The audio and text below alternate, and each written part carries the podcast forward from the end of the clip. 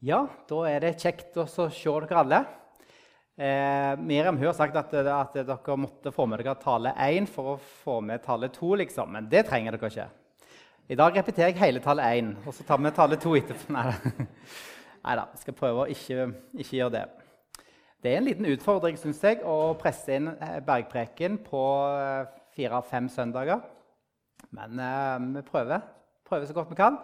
Og Da må vi jo ta de store linjene, og så noen ting ser vi litt mer detalj på. Det er sånn vi skal, må gjøre det. Og eh, Sist søndag nå kommer repetisjonen, så spurte vi hvem er disiplene som Jesus taler til. Og Det som var viktig da, det var at eh, Jesus begynner ikke bare med å fortelle disiplene eh, hvordan vi skal tolke loven og bud og, så videre, og alle krav og sånt. Men han begynner der vi alltid må begynne nemlig med evangeliet.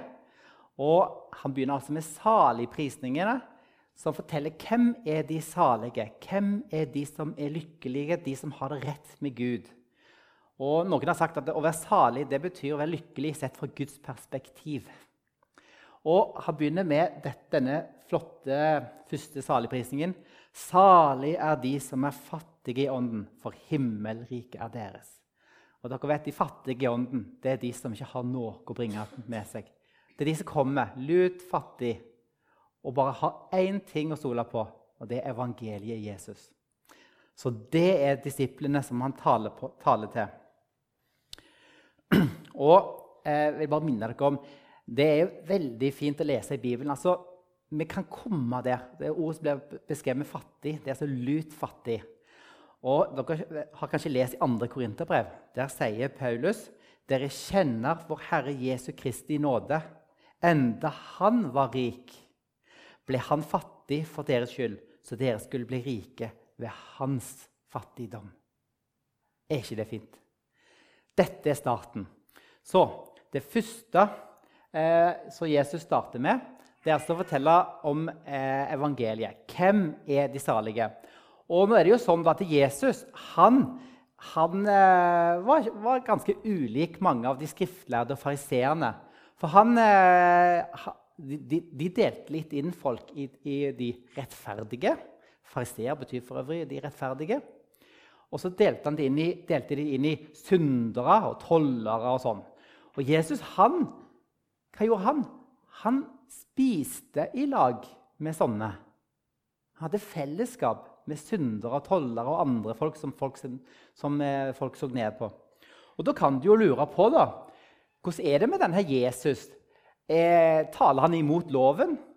Altså, mener, Han er jo ikke så streng som vi. Han, han burde jo fordømt disse tollerne og synderne. Men det gjør han ikke. Nei, Han går og spiser i lag med dem. Så hvordan er det med Jesus? Hva tenker han om loven? Og dette er tema for dagens eh, tale. Jesus sier, 'Tro ikke at jeg er kommet for å oppheve loven eller profetene.' 'Jeg er ikke kommet for å oppheve, men for å oppfylle.' Det første vi legger merke til, at det, det ordet 'kommet for' det betyr ikke bare at han rusla inn og liksom plutselig dukke opp en plass, og så tilfeldigvis skulle han da gjøre et eller annet. Nei, det er en hensikt med det. Jesus kom for en hensikt. Og så sier han hensikten hans var ikke for å oppheve loven, men det var for å oppfylle. Og Nå er det litt rart å lese, lese dette her.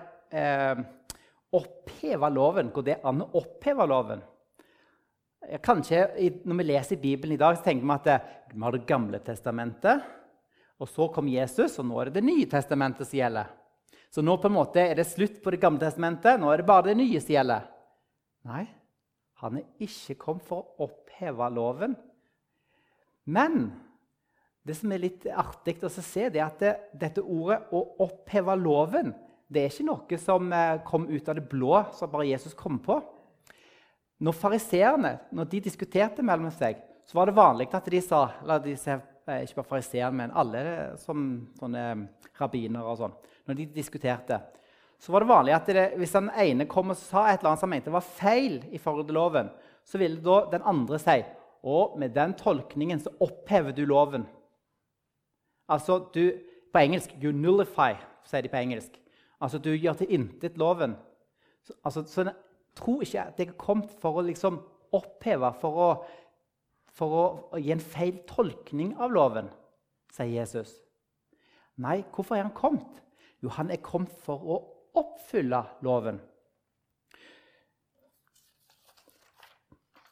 Hva betyr det egentlig med loven og profetene? Bare en liten sak om det. Jødene de kaller Det gamle testamentet for Tanak. Har du hørt noe så rart? Tanak? Jeg visste det her mot han har gått på bibelskole. Og Tanak det, for, eh, for, det, er en sånn forkortelse av de tingene som, lå, som Gamletestamentet består av. Det er Toraen, og så er det eh, de historiske bøkene og profetene, Neviim. Og så er det skriftene, Ketuvim. Og Hvis du tar noen bokstaver vekk her nå, så blir dette Tanak. Tora, T og A derfra, osv. Så, videre. så når Jesus sier at han ikke kom for å oppheve loven og profetene, så sier Jesus jeg er ikke kommet for å oppheve Det gamle testamentet. Det er alle skriftene der. Men han er kommet for å oppfylle. Det ordet 'oppfylle' som står der, det blir brukt eh, Husker dere når, når Jesus ble salva sånn nardussalve som ble helt utover føttene, så står det at duften for den salven fylte hele rommet. Det er det samme greske ordet som er brukt her om oppfylle. Jesus fyller loven og profetene. Og Det viser litt om hva, hva hensikten hans var. Og det er, Man kan si at det er tre hensikter.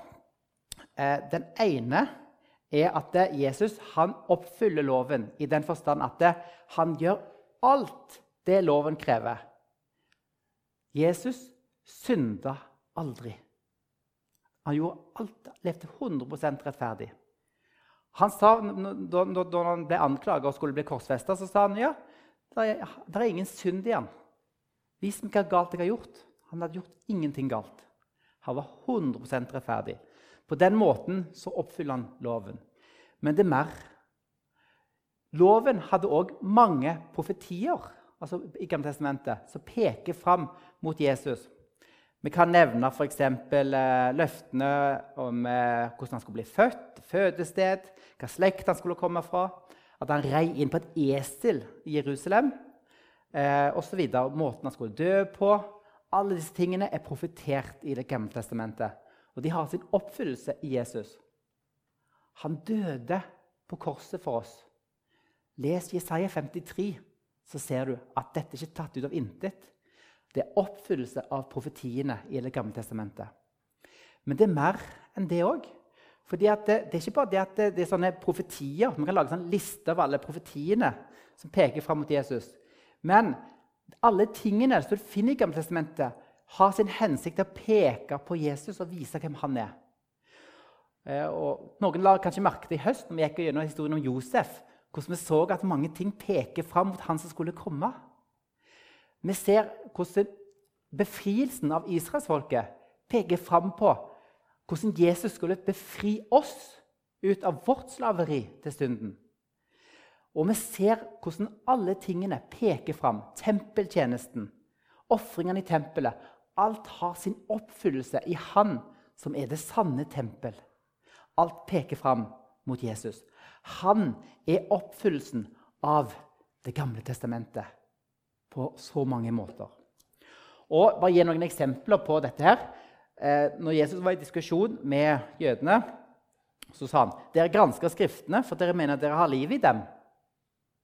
Men det er de som vitner om meg. Det er Jesus. Et eksempel til. Emma Emmaus-vandrerne. Hva sa Jesus til dem?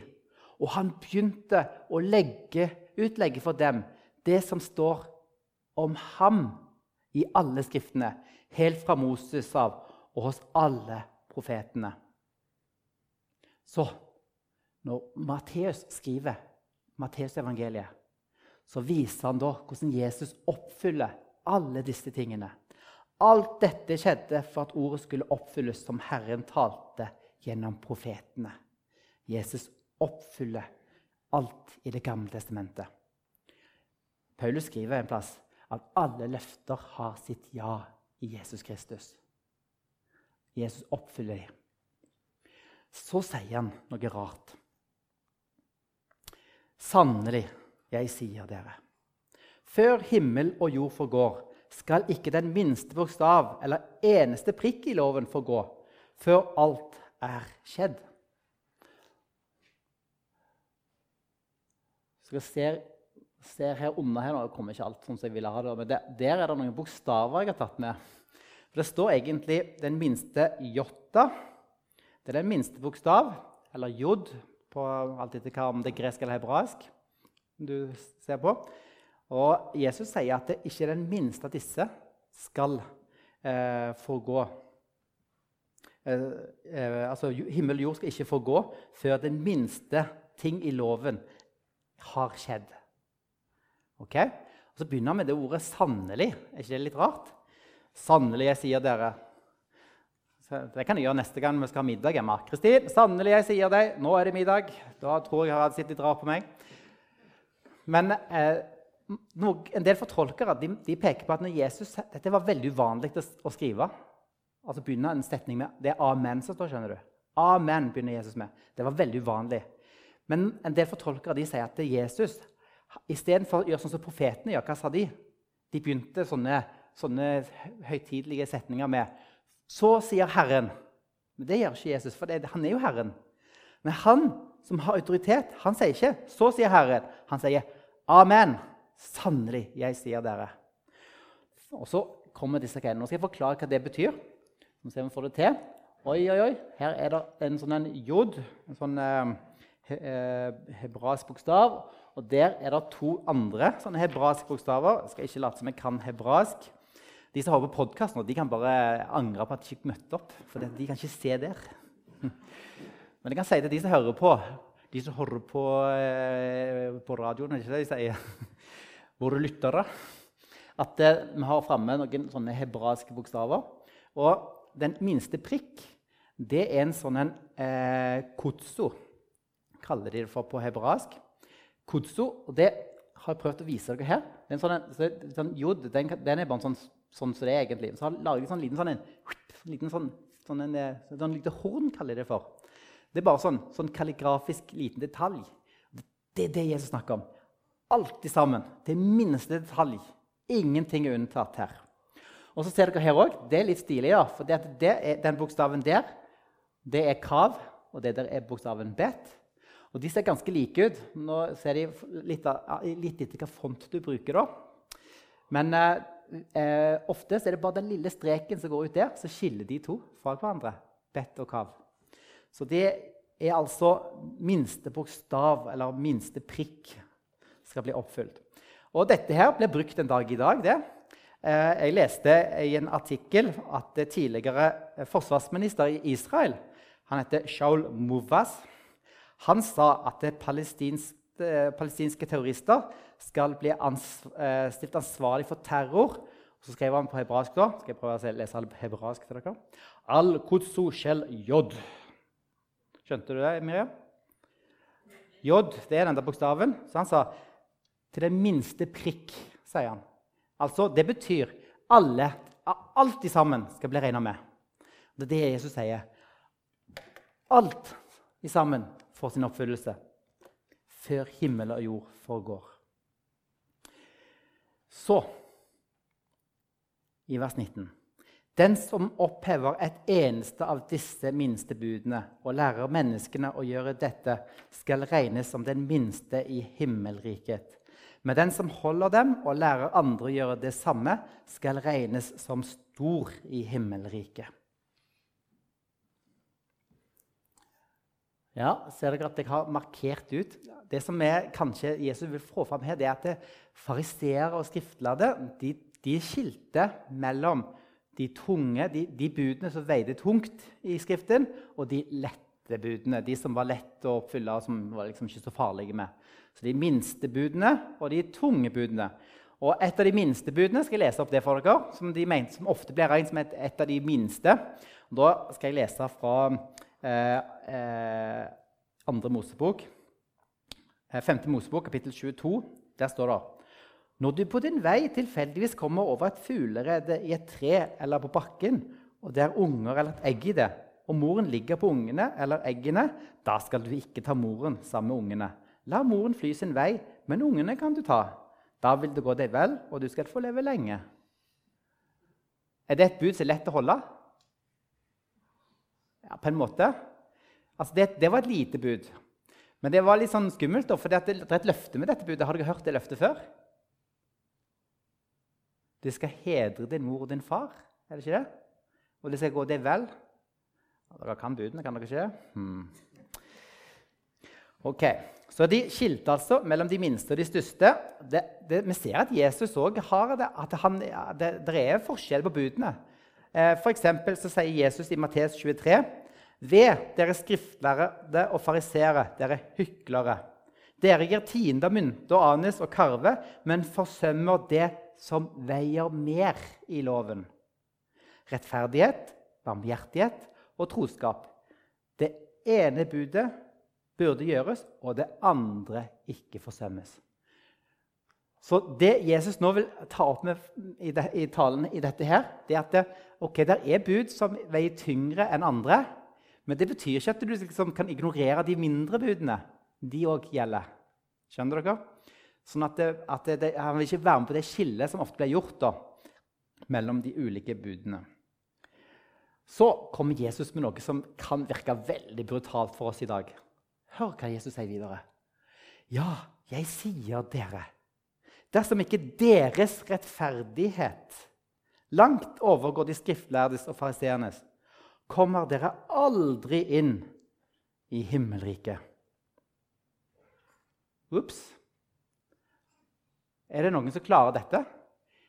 Hør en ting. Må se om det virker. Her er budene. Det er altså I Gamle testamentet har i tradisjonen så har de altså 248 påbud og 365 forbud. Ja. Det er noen som har lagd en liste så dere ser renner her. som kan se, ja. Og Dette er altså de som fariseerne ville klare å leve etter. Og Dette er ganske mange bud, men tror ikke at det stopper der. For de hadde 15, altså 1521 tillegg til disse for å passe på at vi klarte å følge disse her. Så de måtte de lære seg. De kalte det for å bygge et gjerde rundt loven, så du var sikker på at du ikke skulle komme ut forbi. Så det er ganske mange buder. Hvor langt har vi kommet nå? Hm. Ok. Så eh, Det som Jesus nå tar opp For det at disse budene her lagde, de, de fant fram disse budene og så lagde de disse tilleggene for at de skulle klare å leve etter dem. Og da er det eksempel, eh, Hvis du, da ikke, du skal ikke misbruke Herren Guds navn, ett bud. Hvordan klarer vi å løse den? Du bare nevner ikke Guds navn. Ja, Da var det check. Ferdig. Ja, Du skal ikke eh, begjære din nestes eiendom eller, eller, se på andre med begjær. Hvordan gjør vi det? Du bare ser ikke på noen damer i det hele tatt. Eller menn, hvis dere er damer som hører på meg. Ja. Mm. Ja, så eh, da, da, da, er det liksom historier som forteller om fariseere som datt opp i hull i bakken. Jeg gikk på sånn stolper, så, for de siktet bare ned sånn. gikk på sånn, så bare sprang. Så det gikk de rett på. Så det, det, er litt sånn. Men hva er det Jesus Oi, hvor er det enda en del her? Hva er det Jesus vil, vil, vil ta fram når han sier at det, dersom ikke deres rettferdighet langt overgår de skriftlærdes og, eh, og fariseernes, så kommer dere aldri inn i himmelriket? Jo, det er den ytre rettferdigheten til fariseerne. Den er ikke nok. Jesus vil ha en indre rettferdighet, en annen type rettferdighet. Noen sier at det, det er ikke snakk om at vi skal overgå fariseerne i å liksom lage disse listene og prøve å holde budene. Det er ikke en, en rettferdighet i kvantitet, men det er en rettferdighet i kvalitet. Så Noen har sagt at Jesus i bergpreken Der kommer Dennis. Jesus i bergpreken. Hvordan tolker vi alt det som står i bergpreken? Er det sånn at det når Jesus etter hvert nå sier Dere har hørt det har sagt et eller annet, og så Men jeg sier dere. Hvordan skal vi tolke dette Jesus sier når han gjør dette? Er det sånn at Jesus eh, nå kommer med en ny versjon av loven? Sånn at eh, han, Moses sa dette, men nå sier jeg dette. Det er noen som mener det. Og det mener jeg, Da bommer vi på det han har sagt tidligere. For hva sa han? Ikke en minste prikk skulle få gå. Han er ikke kommet for å oppheve loven, men for å oppfylle. Så det kan ikke være det at, det, at, det, at det, Jesus liksom kommer med en annen versjon av loven enn det Moses gjorde. Ja, Noen sier at det, og det er jo vanlig luthersk tradisjon, da, at Jesus kom for å skjerpe Nå kommer han her og så skjerper han budene opp. For han vil vise oss at om du trodde at du klarte å holde loven, så skal jeg skjerpe budene kraftig nå for å vise deg at du ikke klarer å holde loven, sånn at du trenger evangeliet. Og Det er for så vidt eh, noe, noe, i dette. For Paulus kaller loven for en tuktmester til Kristus. Men jeg tror ikke det er det som skjer her. Hva er det som skjer her? Jo, Jesus han vil til livs her fariseerne og de skriftlærdes tradisjon.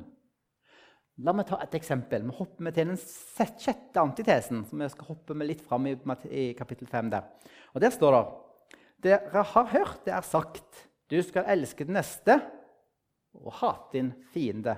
Men jeg sier dere, elsk deres fiender, osv. Men jeg spør dere hvor i loven står dette? Er det noen som vet? Nei, ingen som vet. Det står ikke i loven. Det står ikke i loven at vi skal hate vår fiende. Ingen plass. Det står at vi skal elske vår neste, men det står ikke at vi skal hate vår fiende. Men hvor står det henne? Jo, i den tradisjonen til fariseerne. Der står det.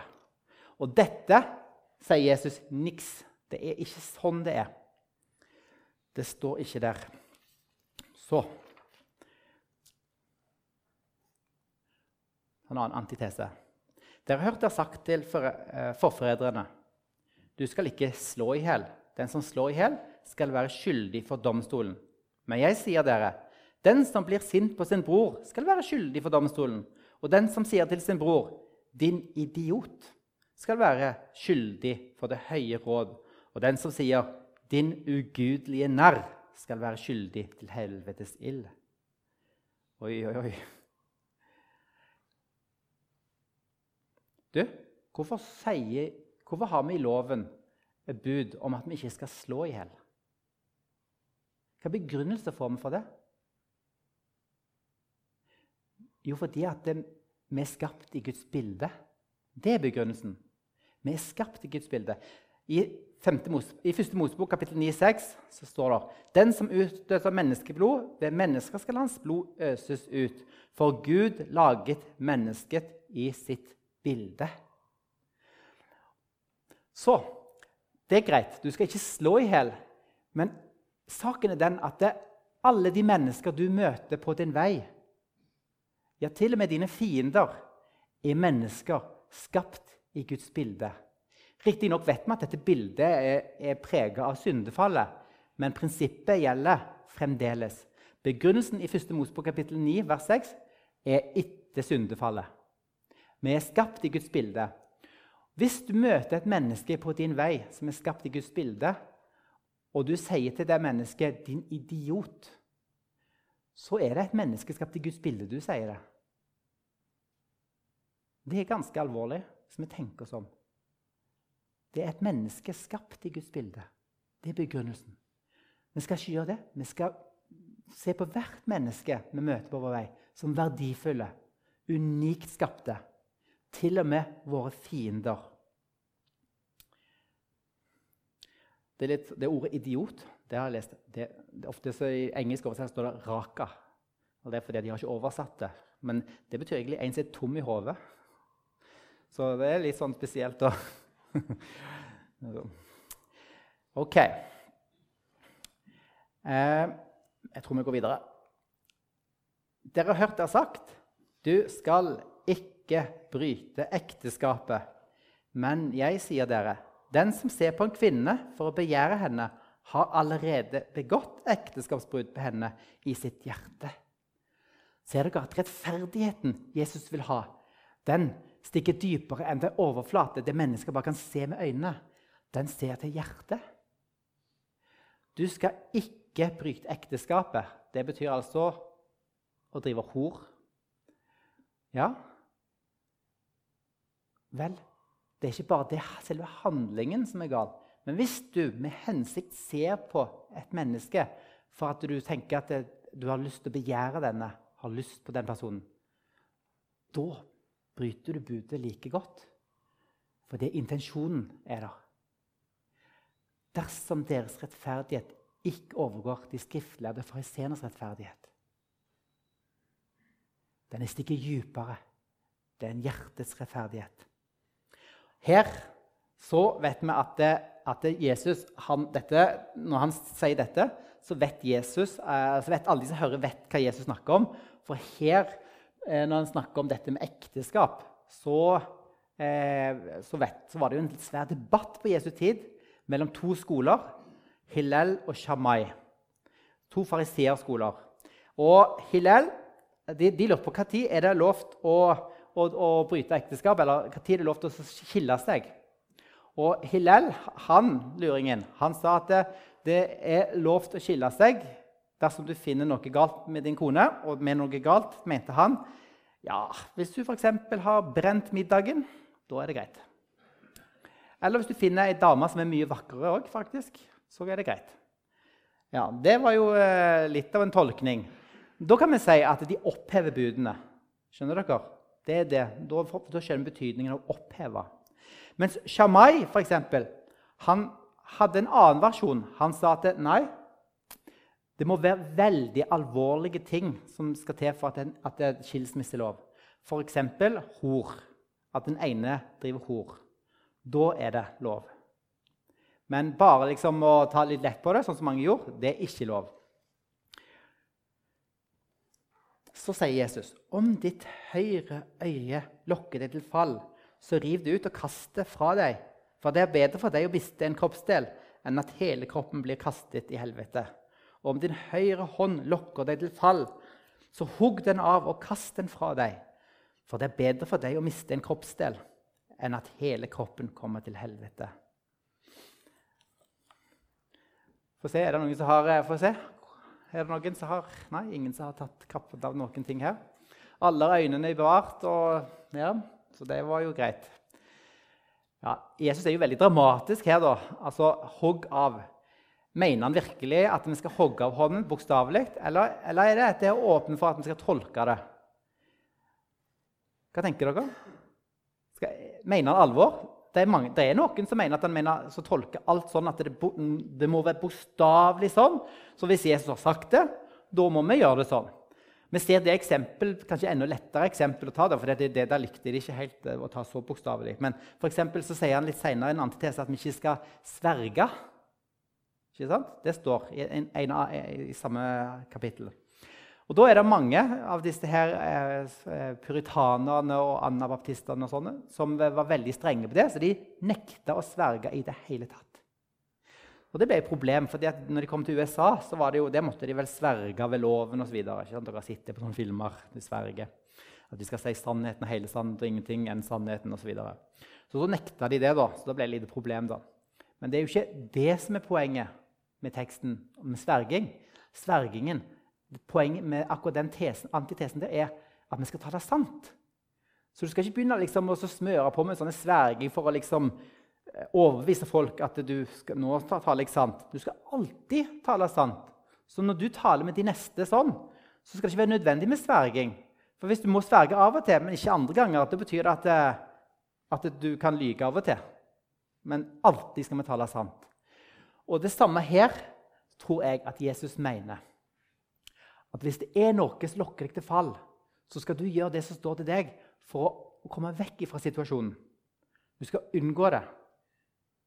Det betyr er, det, er, du i en situasjon der du skjønner at det, nå blir det nå kommer det til å bli sånn sladder her. Nå er vi i en sånn sladregreie. Så sier Jesus hvis det er et problem at det her blir det sladder, og du ikke klarer å komme deg unna det, så får du bare gå derfra. Hvis du sitter hjemme og søker på nettet, og du skjønner at det, nå er det på vei inn i noe du ikke skal inn i, hva skal du gjøre da? Du skal skru av PC-en og gå ut. Fly det. Det er det Jesus sier. Du skal gjøre det som står i din makt for å unngå situasjoner der du blir frista til å synde. Rettferdigheten vår skal stikke dypere enn bare de ytre handlingene.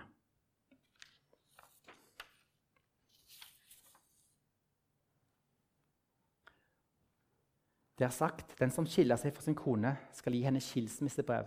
Men jeg sier dere, den som skiller seg fra sin kone av noen annen grunn enn hor, han blir skyld i at det begås ekteskapsbrudd med henne. For den som gifter seg med en fraskilt kvinne, bryter ekteskapet. Det er litt rart at det er med dette med skilsmisse mellom disse to stedene om skilsmisse har vi den teksten med høyre øye som lokker til fall. Det tror jeg har en sammenheng. Det er ikke tilfeldig. Skilsmisse det er jo en vanskelig tema å ta opp. da. Jeg vil bare minne dere om at Når, Jesus sier dette, så, så, må dere ha bakgrunn i debatten mellom Hillel og Shamai. Du kan spørre deg selv, for Jesus er veldig kategorisk her. At det eh, ikke av noen annen grunn enn hor ja, hva med de som blir banket opp hjemme hver dag av eh, sin ektefelle? Da tror jeg at Hvis vi leser teksten på den måten at, dette gjelder, altså, at det gjelder bare hor, at det ikke er andre tilfeller, da tror jeg at vi ikke leser teksten rett. Jeg tror at at det er situasjoner utenom der skilsmisse er lov. Men det er vanskelig å avgjøre situasjon for situasjon, så dette kan, er vanskelig å gi generelle regler på. Men Paulus gir andre eksempler enn det som står der. Paulus skriver f.eks. i, eh, i 1. Eh, Korinterbrev 7,15.: Men hvis den ikke-troende vil skilles, så la han gjøre det. I slike tilfeller ikke den troende broren eller søsteren bundet. Altså det er en begrunnelse utenom enn bare hor. Så dette trenger vi visdom til. Men Jesus er, taler veldig imot Hillel sin versjon. Lett. Bare skriv ut skilsmissebrev. Og det er jeg som lager middag hjemme, så det er lover bra for Kristin. Så, um, men det kan jo gå andre veien. Det har jeg ikke tenkt på. Ok. Dere har hørt der sagt øye for øye, tann for tann. Men jeg sier dere, sett dere ikke til motverge mot den som gjør ondt mot dere. Om noen slår deg på høyre skinn, så vend også det andre til. Vil noen saksøke deg og ta skjorten din, så la han få kappen også. Om noen tvinger deg til å følge med én mil, så gå to med ham. Gi til den som ber deg, og vend ikke ryggen til den som vil låne av deg.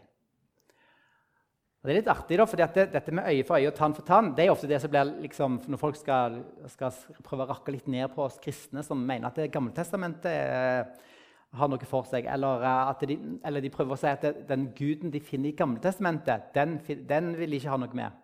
Men i Nytestamentet, ja, det er muligens. Da er det ofte så er dette øye for øye, tann for tann. Det blir ofte nevnt. Ja, ja, Gammeltestamentets Gud, øye for øye, tann for tann, liksom. Men de har tolket nok dette like galt som fariseerne skriftlærde tolka dette galt, som Jesus nå tar et oppgjør mot her. For det står øye for øye og tann for tann i Det gamle testamentet. Men hva situasjon står det i? Jo, det står i sammenheng det Moses forteller de som skal være dommere i landet, hvordan de skal dømme i ulike saker mellom, mellom eh, israel, israelittene. Ikke sant? Så det er ikke ment til sånn privat justis, der eh, hvis naboen eh, gjør sånn mot meg, så kan jeg gjøre det samme mot han. Men sånn tolker de det. Men her er det altså nei, når det gjelder vårt relasjon mellom oss mennesker, sånn, så skal vi ikke si øye for øye og tann for tann. Men vi skal heller tåle ondt. Så står det her at det, om noen slår deg på høyre kinn Du, har dere hørt jeg, jeg, har sikkert fortalt det før, men det er noen her som ikke har hørt det. Vet du hvordan du skal forvirre en kristen? Du gjør sånn.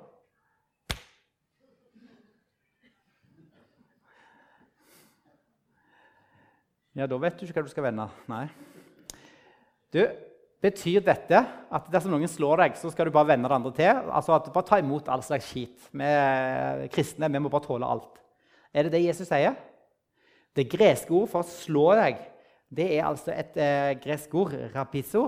Det, det, er rett og slett sånn. Slå sånn. Sånn. Skjønner dere? Sånn, du slår med flat hånd.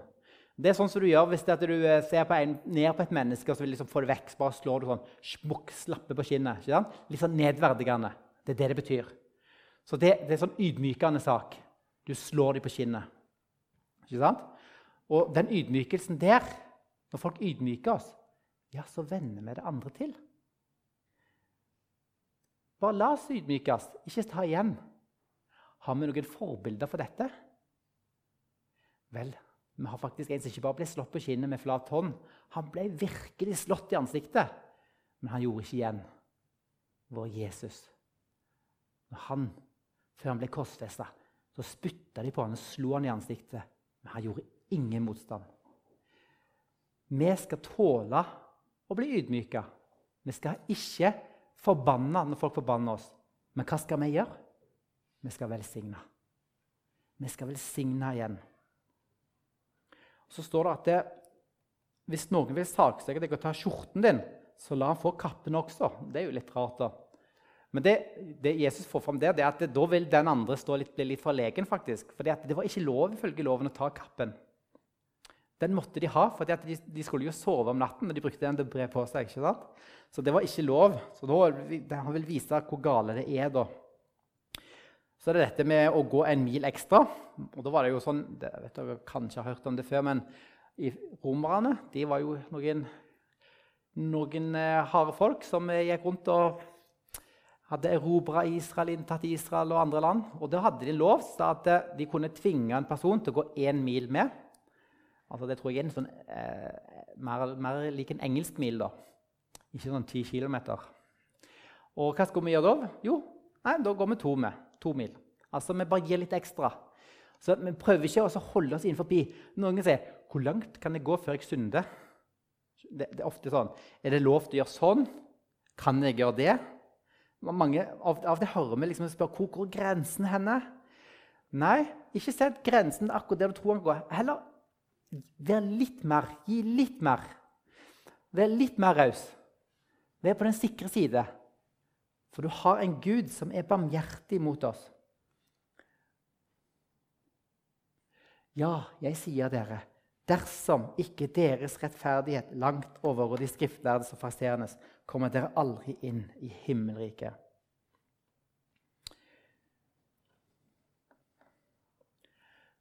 Er det noen av oss som har sjanse her?